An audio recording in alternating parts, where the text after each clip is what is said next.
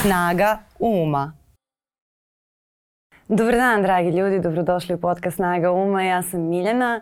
Mi ovde iz ponedeljka u ponedeljak nastojimo da razgovaramo, da kroz razgovore rastemo. Moja današnja gošća je svakako jedna mlada žena koja me izuzetno inspiriše, e, Jelena Riznić, e, devojka koja je magistrirala sociologiju, doktorantkinja e, fakulteta, filozofskog fakulteta, jedna od glavnih ženskih glasova u Srbiji trenutno. Između ostalog, ona devojka koja je stajala e, na ulici e, i borila se protiv e, intervjua sa osuđenim silovateljem na veliko oduševljenje mnogih žena. A danas bih sa njom volila da razgovaram na način na koji dve žene inače razgovaraju, da razgovaramo o, o tim nekim stvarima koje bismo volele da smo imale da nam neko kaže, u vremenu kad smo bile mlade, bile smo mlade u različitim periodima, tako da se mnogo radujem ovom razgovoru. Jelena, dobro mi došla. Bolje te našla. Divno izgledaš, nadam se da si odmorna i da se dobro osjećaš. Hvala, hvala na komplimentu. Pa, mislim, to je to je uvek relativno, ali trudimo se. E, kako, kako ti se čini taj, taj moment uh, kada kažem šta je ono što bi voljela da si imala da ti neko, da ti neko kaže sada. Jer se to nekako često, e, često u ovim temama provlači i to pitanje šta bi rekla sebi mladoj, a i koliko bismo Uh, nekih stvari uh, lakše, uh, neke stvari lakše pregurale da je samo neko mogu da kaže e tu ti je prečica ili je ovo ti nije problem, ovo ti je normalno. Da. Pa evo baš pošto si spomenula proteste u najavi, a, ja sam nekako baš aktivno mislila o tome dok su trajali protesti kako bih volela da mala Jelena može da vidi malo veću Jelenu. E, I sad, pošto ja imam 25 godina, ta razlika nije toliko velika, ali se dešavaju velike stvari u tom mm, relativno malom vremenskom periodu, kratkom. A, baš bih volela da mogu da je zagralim zapravo i da je kažem bit će sve okej, okay, kao doći će sve na svoje mesto a, pogotovo zato što sam ja nekako um, u tom formativnom periodu prolazila kroz neke ne tako lepe stvari, ali bih u stvari najviše volela da mi neko objasni čemu strah služi i šta zapravo znači hrabrost u tom smislu, jer nekako nama stalno to iz nekih bajki, iz različitih priča, čujemo da je strah nešto što koči i kao hrabrost je samo odsustvo straha i to je tako. Zapravo nije, hrabrost nije odsustvo straha, hrabrost je kada to prosto radiš neke stvari uprkos tom strahu koji je uvek tu. I nekako bih baš mnogo volela da to i malo Jeleni, ali i svim devojčicama, a, mogu da kažem da je potpuno redu da se plaše, ali da taj strah posmatraju na potpuno drugačiji način. Dakle, kao nešto što ih uči šta mogu da, da urade za sebe bolje, šta mogu da preskoče, šta mogu da prevaziću i da prosto znaju da su uvek veći od stvari koje ih plaše i koje se dešavaju. Da, i nekada, naročito u tim mladim godinama, uh, strah čak i ne umeš da prepoznaš kao strah, nego ga vidiš kao neku vrstu ograde. Ne znam da li, da li se tebi to dešavalo, jer meni jeste. Uh, to, to, to recimo taj odgovor autoritetu. Iako sam ja čak i vaspitavana da, da, da se ne plašim baš uh, i nisam na taj način gurana u, u kalup, ali to jeste strah, ali ti ga u tim godinama ne vidiš kao strah. Pa da, nekako ja sam eh, relativno skoro sam nešto čitala da u toj skolastičkoj tradiciji strah se ne vidi, dakle postavlja se taj neki racionalni moment, racionalni nivo, dakle ne vidiš ga kao nešto što je emocija koja te koči, nego vidiš kao nešto što je a, eh, u stvari pokretačko gorivo, dakle da prevazilaziš stvari i da preduprediš neke buduće opasnosti, probleme i slično i baš sam o tome razmišljala, dakle trenutno se u e, eh, Dorčil placu e, igra, devojči, igra e, predstava devojčice, uh -huh. e, koju apsolutno svima preporučujem. I, I zapravo se uklapa o čemu mi pričamo trenutno. I onda tamo uh, jedna od glumica, Ana Ninković, moja divna drugarica, inače još jedna članica ženske solidarnosti, kaže da je postala feministkinja iz straha. I kada to čujete, deluje kao da je to sad nešto, aha, iz straha, znači to je nešto loše, a zapravo ne. Dakle, feminizam je ono što ti kontekstualizuje tvoje emocije, pa i taj strah koji osjećaš. Dakle, kada smo same, može da nas boli to što osjećamo svakog dana. Strah, mržnju koju osjećamo vrlo često, koju je prema nama samo zato što smo žene, samo zato što smo ovakve ili onakve ali kada smo zajedno, kada tome dajemo neko značenje, kada razmenjujemo ta svoja iskustva sa drugim ženama, to onda potpuno drugačiji nivo dobija. Dakle, to nam onda prosto daje odgovor na pitanje šta dalje. Jer kada se povezujemo i kada naglas izgovorimo, onda je najlogična reakcija da se borimo protiv toga. Dakle, ja jednom kada kažem, dobro, uh, imamo problem, ovo me plaši uh, i plaši ovu devojku i plaši ovu ženu oko mene, uh, pa dobro, hoćemo sad sve da sedimo i da se plašimo ili ćemo da pokažemo zube i da uradimo nešto drugačije. Tako da to je ono što je ključno, da prosto taj strah vidimo kao nešto što je ne nešto loše, kao nešto će biti uvek tu i okay da bude tu, samo je pitanje šta mi radimo sa tim. Da, to je najveće pitanje i kako ga, kako ga doživiš, kako ga percipiraš, Da li dozvoliš da te blokira? Mislim, to, to je pitanje koje je čak i mnogo šire od tog jednog konkretnog straha. Da. To može da ti definiše uh, ceo život, malte ne. A uh, koji je kod tebe bio prelomni trenutak tu? Koji je bio prvi? Taj trenutak prelamanja straha, preuzimanja kontrole i svesti na tim šta je strah i kako reaguješ na strah? A, pa mislim da je bilo više tih nekih važnih trenutaka u ovom životu. Um, za početak to upoznavanje opšte sa feminizmom, a, zato što ta osjećanja koje sve mi imamo negde, a, bes, tuga i slično, vi mislite vrlo često da ste lude zbog toga. Pa kao, pa svim, svim ostalima je okej, okay, što se ja ovako osjećam, što se ja ovako osjećam kada me neko uznemirava na bilo koji način. I to um, ni nazoveš uznemiravanje. Tako je, to nazoveš neka mala neprijatnost, Kao bolje da, ne, ne, bolje da sad ne pravim skandal od ovoga, to je veći skandal nego to što se dešava. Um, mislim da je prvo bilo to, dakle, upoznavanje sa feminističkom teorijom um, i davanje značenja svemu tome. Uh, I to je nešto što je ono kao bilo politički i važno za mene, a, a ono što je bilo lično, to je definitivno um, izlasci iz odnosa koji su za mene bili loši, a, koji su bili nasilni. Uh, preuzimanje konačno od kontroler, da, ja sam tada bila, um, to je 21-2 godine, dakle iz ove moje perspektive devojčica i sigurno ja sam bila u tom smislu mlada i uplašena i sa mnogo manje resursa nego što ih imam sada i definitivno nakon toga se stvari menjaju, nakon toga prosto nekako iz godine u godinu i to je vrlo zanimljivo. Um, ja se jako radujem starenju. Iako je starenje ono tabu tema za nas žene, jer kao previše se stvari mijenja, previše postaješ nevidljivo u nekom smislu, um, previše je rizično starenje u mnogo aspekata. Nije ali starenje mene... strašno, samo što te bole kosti. da, da, ok, mo mogu da potvrdim čak i ja ovim godinama, ali... Ne, tebe ne bole kosti zbog starenja, tebe bole kosti zbog sedenja i zato što ne vežbaš dovoljno. ja, povredanje treniram svaki dan, da se pa, razumemo, pa da, pa to je jedno. Možda se ne istežeš, ka, ka, ali to kao obično u tim godinama kad te bole, bolite od toga, teško da moguš da te boli od starenja. To uh, se da. za neki 10 godina. Tačno 10, pa. da, da, da.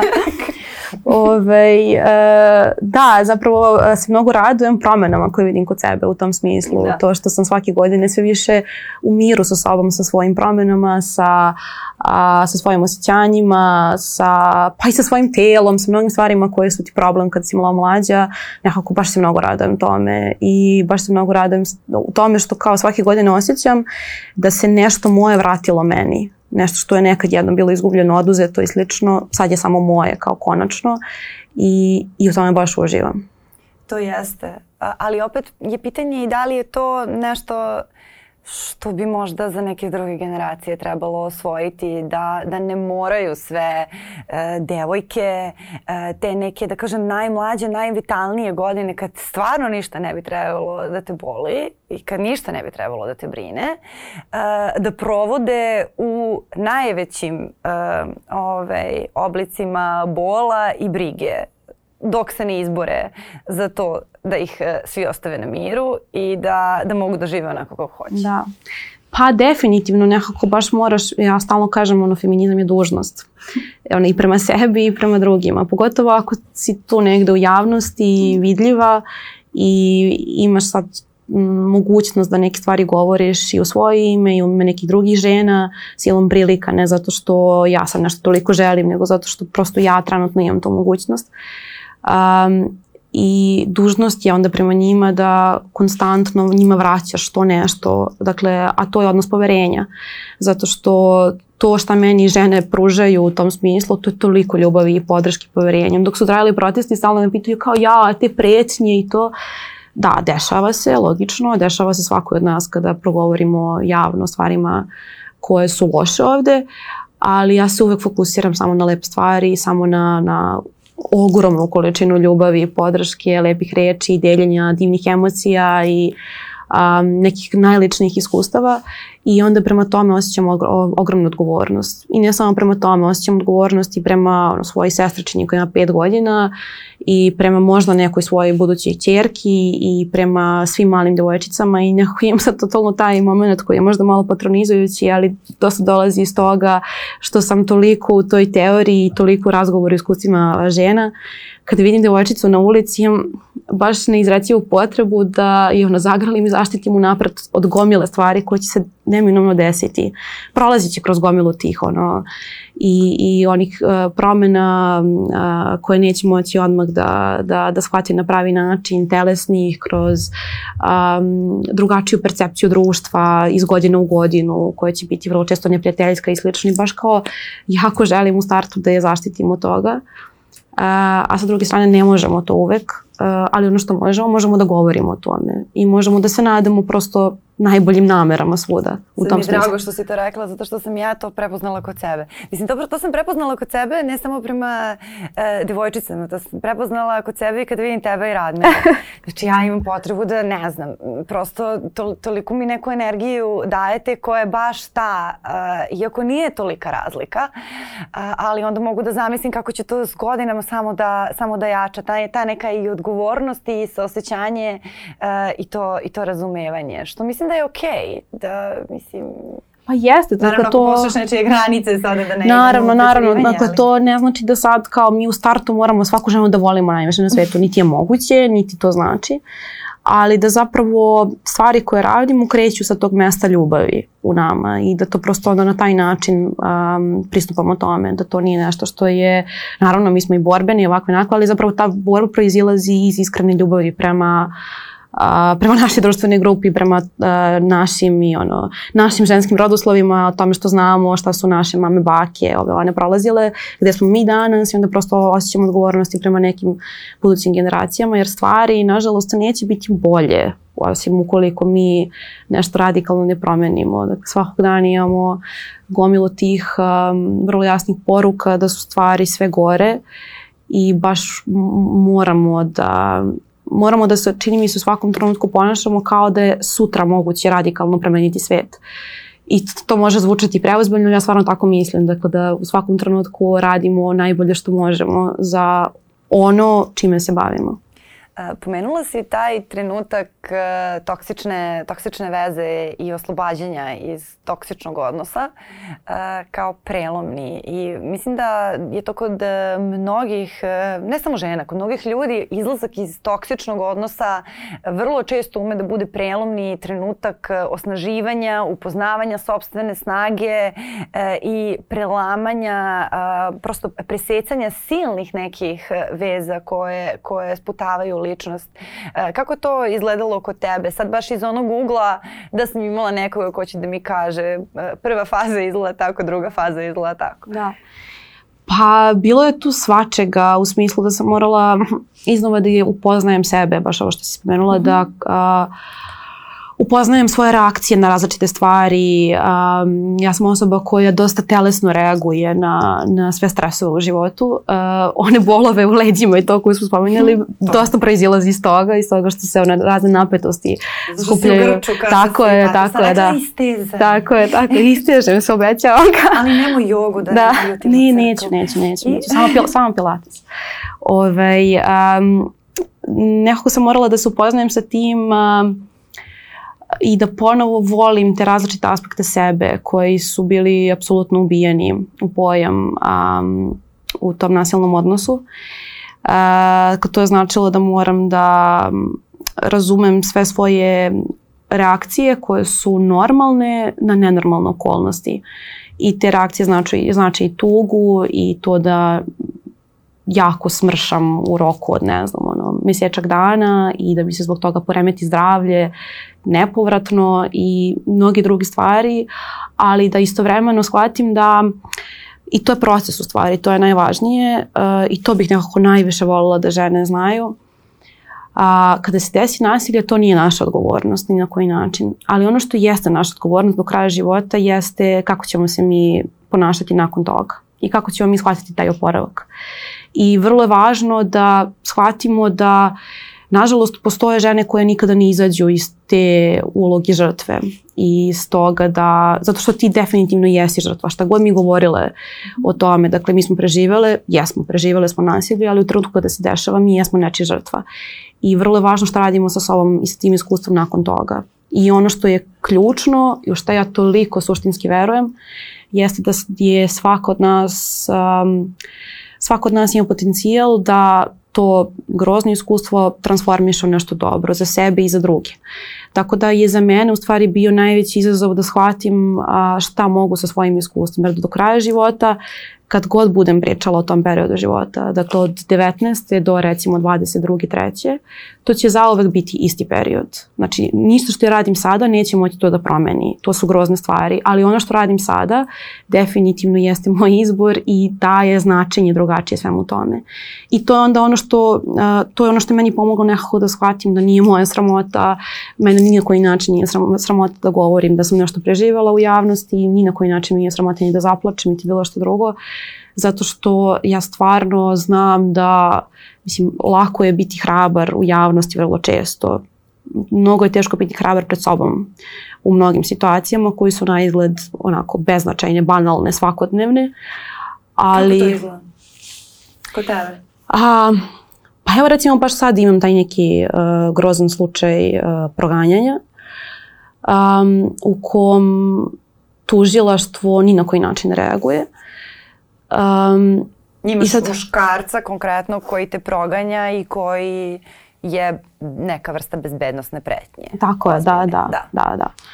Ovaj, I sad da prosto stvari budu gore, vrlo su jasne, dakle to traje već dugo, uh, on je već prekršio zabranu prilaska, dakle već mu po tom osnovu sleduje zatvor, to se nije desilo, uh, tužilac je rekao da je zaboravio da se bavi tim slučajem.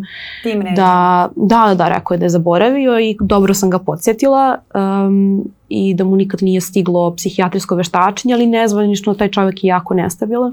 Kao da ja nezvanično sa svojom diplomom takođe mogu da kažem da je taj čovjek uh, nestabilan.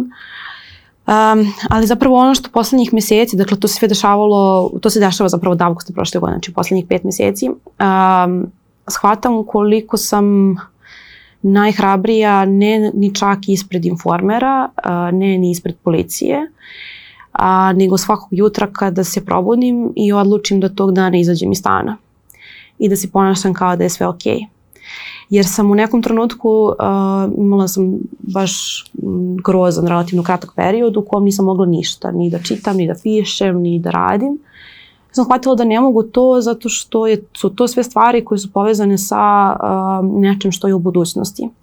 A ako čitam, čitam zato što ću pisati doktorat nekad jednom u budućnosti, odnosno braniti ga. Ako nešto istražujem, to je zato što želim da objavim neki rad takođe u nekoj budućnosti i ako nešto radim, takođe nešto. Ako treniram, takođe to radim za neku svoju dobru budućnost. Uh, ali istina je da ja ne mogu 150% da verujem u svoju budućnost u ovom trenutku. Ne zato što će me strefiti srčani udar ili će me udariti autobus i zato što ga vozi neki ono, čikica od 80 godina koji ono ne vidi da prelazi preko žene a, ili će se desiti nešto što je u tom smislu a, a tako iznenada, nego zato što imam vrlo konkretno lokalizovanu prijetnju čoveka koji je rekao da ćemo mu ubiti pištoljem, nabavio pištolj, taj pištolj sam mu zaplenili i sad se ne bave time, on je na slobodi, ja sam na slobodi.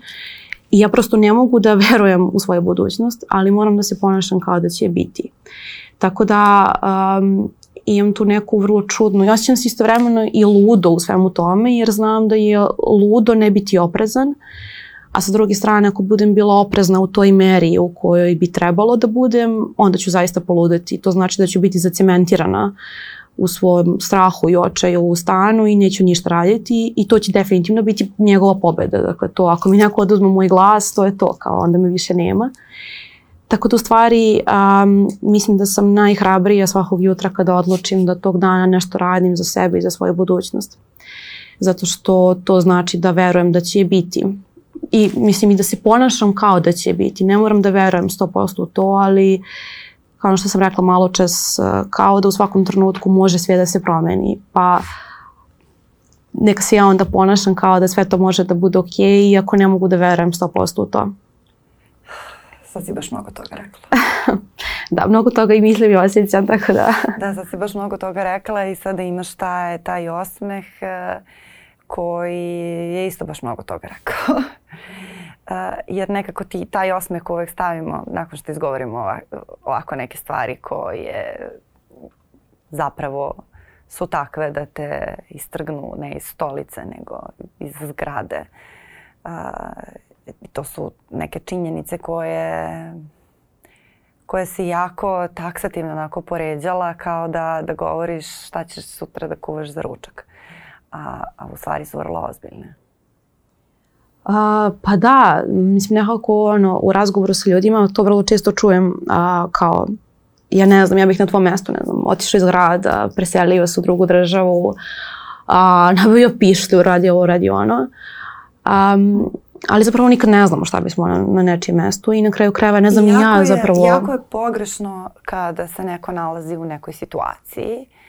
Um, a mi imamo tu, da li je to deo našeg vaspitanja ili neke tradicije, da kada ti neko priča šta, šta, šta mu se dešava, da ti prvi instinkt bude šta bi ja. Mm. Ili šta ja mislim da ti treba. Sad si ti meni ispričala jedan problem koji je otprilike, mislim, ono, uh, može da se pokrene ceo pravac u književnosti na njemu, koliko je složen i kompleksan. I sad ću ja za tri minuta dok si ti meni to pričala da donesem zaključak o tome šta ti treba po tom pitanju da radiš i sve, treba, sve će da bude okej, jer je meni važno da mi za tri minuta to tvoje rešimo da bismo mogli da pređemo na priču o seriji. To je malte ne tako tako da, izgleda. Da, mislim da vrlo često to ljudi iz nemoći rade, jer kao želiš nekako, nisu nekad loše namere, želiš ti nekome da pomogneš, ali nemaš pojma kako, jer ovo često nema te pomoći u tom smislu. Zato ja uvek kažem ljudima, ono, ako vam se neko poveri da nešto preživljava, samo, samo budi uvor, dakle ništa drugo osim toga, tu, tu nema onda pogrešnih odgovora, jer um, svaki vid nasilja i sve što se dešava jeste oduzimanje kontrole. Meni treba da vratim kontrolu nad svojim životom. Ne sam kad kažem meni, mislim i na mene i inače na, na sve te Eh, žene koje trpe nasilje. Tako da um, to je nekako uh, najvažnije u tome, da prosto neko zna da može samo da da se oslone na tebe u tom smislu, u različitim stanjima i osjećanjima. A to je ono pitanje eh, šta ti treba umesto rečenice koja počinje sa e, znaš šta treba sada Da, da, da, da. I šta ti sada treba?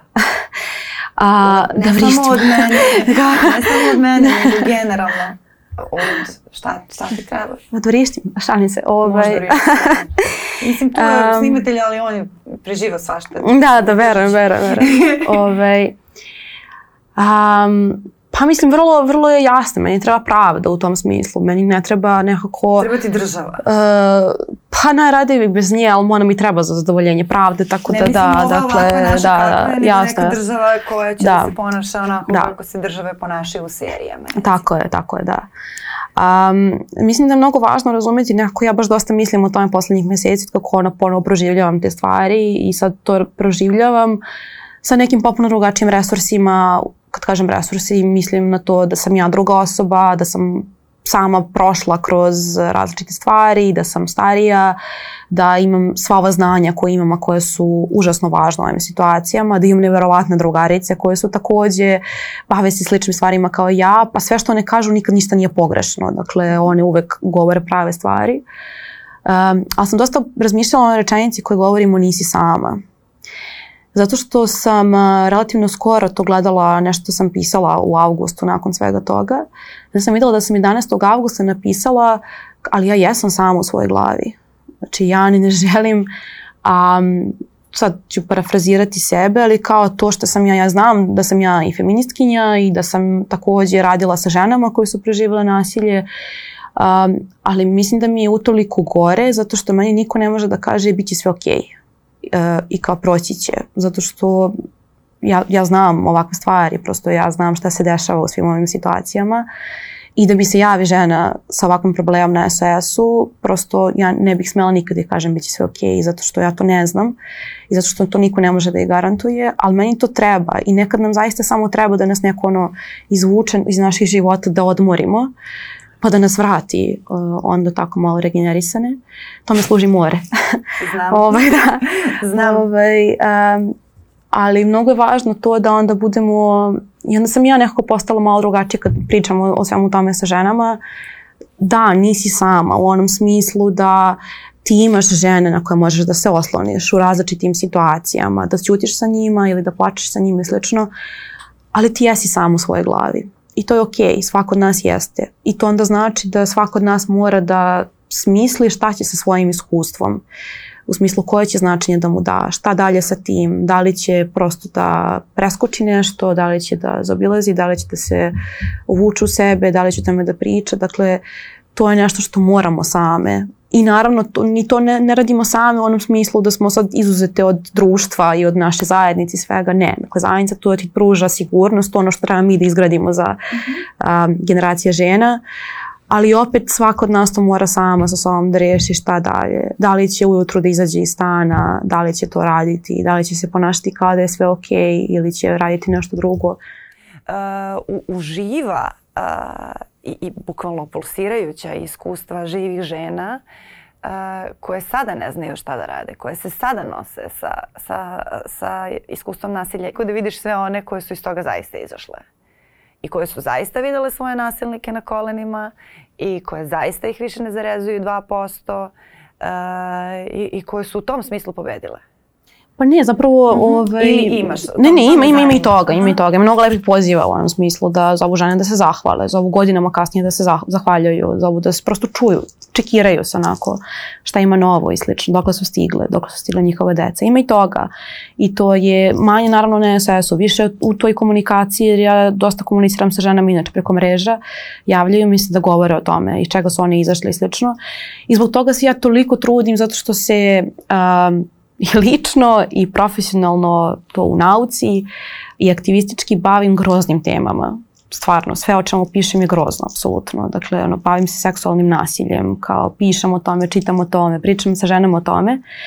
I onda imam taj princip da a, uvek a, sve svoje tekstove koje pišem, a, sve, a, sve što govorim u javnosti slično završavam optimistično. Ne zato što verujem ono kao uh, kakve su ti misli, tako ti je život. Ne, nego zato što zaista mislim da je mnogo važno da uvek e, crpimo taj neki optimizam iz toga, zato što ako toga nema, onda je samo neka fetišizacija trenutno groznog stanja i onda zašto se time bavimo? Ako ne mislimo da zapravo možemo da izgradimo svet koji je bolji, a, pa makar to bili prvo naše mikrosvetovi u kojima su naše neke žene, devojčice, inače ljudi, pa se to onda širi dalje onako u koncentričnim krugovima. Ako zaista ne verujemo u to, onda, onda nema smisla ništa. Onda samo bolje se ne bavim ovim, bolje otvorim cvećaru ili azil ili tako nešto čime bih se ona bavila kao to je to, to su moje ono poslovi snova, da nema ovoga. Azru za zečeve koji je zečara. Tako. Onda zeke mogu da jedu, ono, Ovaj, Ove, a, tako da se nekako uvek trudim ja da završavam optimistično a, sve što radim. Tako sam završila ono, i svoju master tezu i, i, i sve na taj način radim zato što verujem da mora da se zapravo crpi energija iz a, iskrene vere u, u to da može bolje. Zato Tako što, da. i, zato što se i dešava bolje. Mislim, no. Da. situacija je sada e, neuporedivo bolja od onog trenutka kad sam ja imala 25. A da ne govorim o vremenu kad je moja mama imala 25 ili kad je, ne Bože, moja baka imala 25. E, i, I to je zasluga vaša. E, I to je nešto što se dešava iz dana u dan i što m, mm, mm, ne znam koliko vi možete da vidite e, kada ste u rovu stalno, ali to se čak, čak i na nekim onako istraživanjima i brojkama jasno vidi. Uh, I da to što i to i nezadovoljstvo i, i taj porast nezadovoljstvom zapravo e, može da se tumači kao porast standarda. Tako je, znam da smo stvar. senzitivniji na te da, stvari. Da, jer ta da... priča nisu se bunili. To, mislim, ljudi, što, se, što, što im je bolje, sve se više bune, zato što su sve slobodniji i imaju sve veće e, potrebe. Na taj način funkcioniše čovečanstvo, bukvalno od, e, na tome počiva i naučni napredak i svi drugi, ove, sva druga polja napredovanja čovečanstva. Zbog toga smo došli do ovde, jer svaki put kada, kada smo osetili neku ugodnost, nama se apetiti povećaju, ne smanjuju se, znači od, bukvalno od izuma vatre. Je da. tako. Da. Tako e, da, taj moment jeste, ali imaš li, e, sada kada smo malo se vratile u, e, u, u tu vrstu retrospektive, imaš li uzore? Da, da, apsolutno. Te žene koje ti... Apsolutno. A, nekako onako životno, um, apsolutno mama i baka na različite načine. Mm -hmm a, mislim da su naši ono, ženski rodoslovi mnogo važni za razumevanje ženske istorije inače. Dakle, ne samo te naše lične, ali za razumevanje baš ovog o čemu ti pričaš. Dakle, to da se nešto dešava generacijski. Moja baka je bila prva žena u toj kao ženskoj liniji koja je izašla na tržište rada uopšte. Dakle, bilo je dozvoljeno da radi, ali nije bilo dozvoljeno da se školuje. Ja sam odrastala u tim pričama, pošto sam odrasla sa njom i sa dekom, tim pričama o tome da uh, Uh, I ona toliko žela da se školuje, ali nije mogla i to je imalo toliko važan uticaj na mene. Dakle, sve što su oni radili sa svojim malim benzijama bilo je da meni kupuju knjige i da ulažu u moje obrazovanje i da me guraju konstantno u te neke stvari koje, a, za koje su mislili da su važne za mene.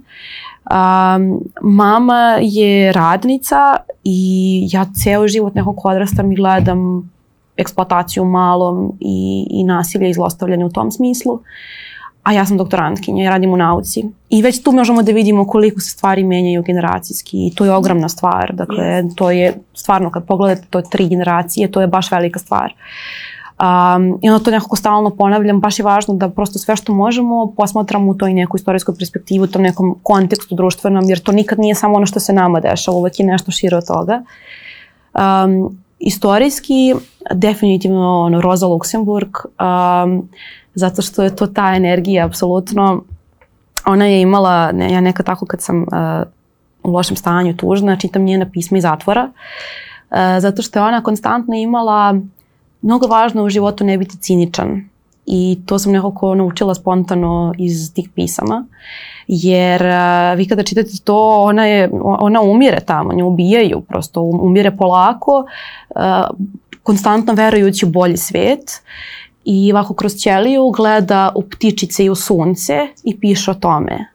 I srećna je zbog toga. I onda nekako sad koliko god to bilo onako previše impuls od jednom potpuno različitih, ja, u stvari to jeste suština, da vežete dok smo u rovu, kao što kažeš, da vežete sada i ovde za nešto što je lepo, pipljivo, važno vama.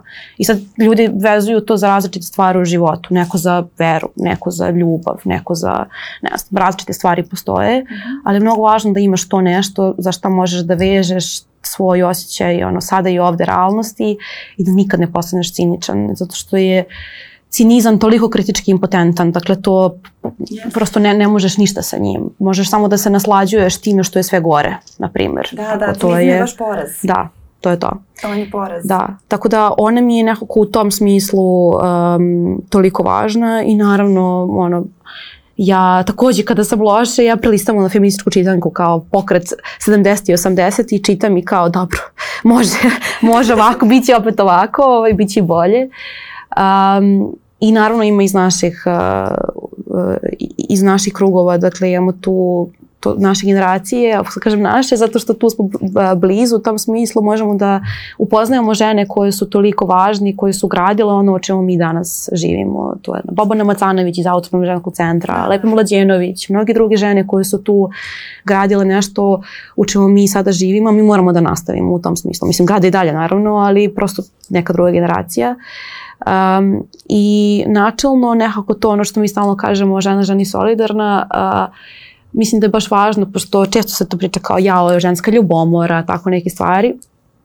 Uh, baš je važno da se u nekom trenutku taj osjećaj nekako prirodno na neke stvari biti ljubomoran ili šta god, to nekako osjetiš nešto, ali uh, pitanje je šta sa tim radiš. Ako transformišeš to u inspiraciju, ti, ono, nebo ti je granica bukvalno. Ja sam prosto nekako naučila, posebno poslednjih godina, od, od kad sam toliko u feminizmu, da sve žene oko sebe posmatram kao inspiraciju i da im se beskrajno radujem u tom smislu i da se radujem i uspesima i lepim stvarima i tome što rade. I ako se u nečemu ne slažem u nekom drugom smislu i dalje se radujem što uspevaju u svetu koji je grozan. Tako da ovaj, a, mislim da je to ključno, da prosto te inspiracije, naravno imam te istorijske, ali imam ove koje su sada ovde a, oko mene. Tako. Da. ne, ne, ne, ne, sad, ne. je nekako ja baš često mislim o tome kako smo to i na fakultetu imali, ono imate kao sve te klasične predmete, to je kao imate nešto što je društvena teorija, a onda imate nešto, to su rodne studije, što je takođe društvena teorija, ali kao ono, za vas entuzijaste koje, kao, koje, koji žele da se bave time. I onda nekako to konstantno ostaje u zapećku. Dakle, imate ovo što je mainstream, imate ovo što je za nas ono 8, 9 do 15 kao koji želimo ono, na generaciji da se bavimo time. No, baš mislim da je važno da to postane nešto što je, što je deo ono, obaveznih uh, kurikuluma. Dakle, to da mi učimo jer uh, sad ne mogu da se setim kako se zove, dakle jedna feministkinja to rekla 80. godina, ali kao da li bi pravilo razliku da znamo da su se neke žene uh, pre nas osjećale na isti način kao što se osjećamo i mi pa apsolutno je pravila razliku. Onda bismo znala da ne krećemo od početka iznova i iznova. Ako ja znam da to što je moja ljutnja takva, što se ljutim na stvari koje se dešavaju, što silovatelji imaju naslovne strane, bilo da su oni u ministarskim foteljama ili su ono izašli iz zatvora prekjuče, što e, su žene se, ubijaju se kao ubijaju se i devojčice i kao institucije ne veruju, što na kraju krajeva sledeći inicijali uh, u slučaju femicida da mogu da budu i moji u mom slučaju. Dakle, da li bi pravilo razliku da ja znam da moja ljutnja nije ono uh, one time thing? Apsolutno mi pravilo. Dakle, apsolutno bih znala da moja ljutnja kao i moja prava imaju određene korene. I, i mi ne krećemo iz početka, mi iznova, dakle, nastavljamo, nastavljamo jedno drugo i stvari. Dakle, kao pletemo neku mrežu koja ono, ide iz generacije u generaciju. Tako da uh, u tom smislu uh, ja zato stalno ono, spominjem čim da nam istoričarka Karen Offen koja je rekla da a, problem sa ženskom istorijom nije to što je nema. Dakle, nije nepostojanje istorije, problem je amnezija i zaboravljanje. Dakle, a, problem je to što se baš kao sistemski radi na tome da nas nema. Ima nas ono umilice dube, duge trepavice i ono, ostaje nedostižno nema i daleka i te stvari. Dakle, to su neki ono ženski ideali ja nekako baš mislim da je mnogo važno da pričamo i o tim bakama koje su uzimale pušku u ruke kad je e, moralo, dakle ja to ne želim nikome, ne, ali ne, hoću da kažem da je to nešto što je... Važno. Sad, ovaj... Sve vreme dok razgovaraš, mi u stvari nemamo istoriju ljudskih osjećanja. I a, to način na koji se istorija predaje, kao da je Game of Thrones. A, e, e, kao, znači, da su to, kao da je to neka priča, neka anegdota u kojim, koja je puna nekakvih a, e, bezličnih ljudi koji nemaju emocije. Kao da Eh, je ta istorija puna zlikovaca i heroja koji su bili samo zlikovci i samo heroji eh, kao da se nikada niko od tih eh, velikih ljudi u istoriji nije plašio To je e, opet ono s početka, to, da, da to, kao... kao Da li bi bilo drugačije kada bismo znali, ne znam da je možda Aleksandar Makedonski imao anksiozne napade. da Julije Cezar nije želao da ubija ljude, da, da je to nekim ljudima bilo prosto da si u prvom svetskom ratu, u drugom svetskom ratu, ljudi koji su, e, ne znam, oslobodili svoje države, osjećali odvratnost kada nekoga ubijaju ili da nisu to želeli ili da im je propao život zbog toga ili kako, kao da, da smo imali malo neku ozbiljniju uh, sliku Nego ne, samo učiš bitku. Bila je bitka. Ma da, naravno, e, to na je... Na čelu mislim, je bio taj i taj, desila se tad i tad, te i te godine. Mislim, mislim, možemo da pričamo naravno o tome mm. ko je trenutno odeljenju za istoriju univerziteta u Beogradu i tako nekim stvarima, mislim, to je ali možda bolje neka. Da, ono globalno nivou, da, da, da, ali, ali, da, ali to je kod nas dosta jer postoji te ono, e, taj kao patriarchalni, da postoji neki učbenik u kom je da li beše Radoš Ljušić ili neko iz te ekipe napisao kao i onda je posle njega došao kao tipa grozan vladar crtica žena ili tako nešto, dakle to su udžbenici i to, to, to tako stoji pošto imam prijateljice koje ono studiraju istoriju to znam čemu ih uči, kako se odnose prema njima, ima naravno nekih profesora koji uopšte ne žele da im se obraćaju uh, u ženskom rodu, dakle ne čak ni to kao koleginici to, nego prosto kažu ono ej ili tako nešto potpuno bezlično jer im je stvar im neprijatnost, kao žene su tu, ne bi trebalo. Tako da ovaj, e, da, da. previše je, pa da, pa da, zato što to nekako postoji kao, ja sam e, neko vreme žela da upišem istoriju, da se time bavim, sva sreća nisam, ali to je uvek nekako bilo, kao ja kada kažem šta želim da upišem i to, kao, pa to je za dečaki, kao, to je kao za ono za, za neke druge stvari. Tako da, ovaj, a mnogo je važno da bismo mi razumeli opšte stvari. Ok, za mene kao sociološkinju je, jeste užasno važno da znam istoriju, zato što prosto moram da bih razumela ona, teoriju, moram da znam istoriju. Ali važno je načelno zbog svega ovoga o čemu smo pričali da damo kontekst stvarima koje mislimo, osjećamo, radimo. Dakle, baš je malo stvari koje smo, evo, baš danas mi otkrili. baš je malo tih stvari. Tako da, ovaj, da znamo prosto da, otkud to i da nismo usamljeni usamljeni u tome na kraju krajeva. A, mnogo ti hvala. Hvala tebi. Mislim, meni je ovaj razgovor e, stvarno proleteo i nekako vola bi da mogu ponovo da te ugostim e, nekom prilikom da, da ga nastavimo a, jer smo se samo zakačile nekih bitnih pitanja ali se nadam da smo nekim tamo dušama poslale poruku da nisu same i Absolutno. kroz ovaj razgovor. Apsolutno. Nekad, e, nekad samo treba da te neko podsjeti da možda potražiš, da se nekome obratiš i da znaš kakav odgovor treba da tražiš. I kada najđeš na pogrešan, da nastaviš dalje dok ne dobiš pravi i da onda to bude ta osoba s kojom ćeš pričati. Tako je, tako je. I ako nekome nešto treba, tu smo na mrežama, smo, slušamo se. Hvala ti mnogo. Hvala tebi. No, ovaj, hvala i vama na vremenu i pažnji. Danas smo razgovarali sa divnom Jelenom Riznić. Baš onako, za mene makar ovaj razgovor bio jedan i emocionalni i svakakav mogući roller coaster, jer je rekla mnogo toga. Nadam se da vam je razgovor prijao, da ste neke stvari možda bolje razumeli. A mi smo tu i sledećeg poneljka na Novarasa. Prijetno! Prijetno!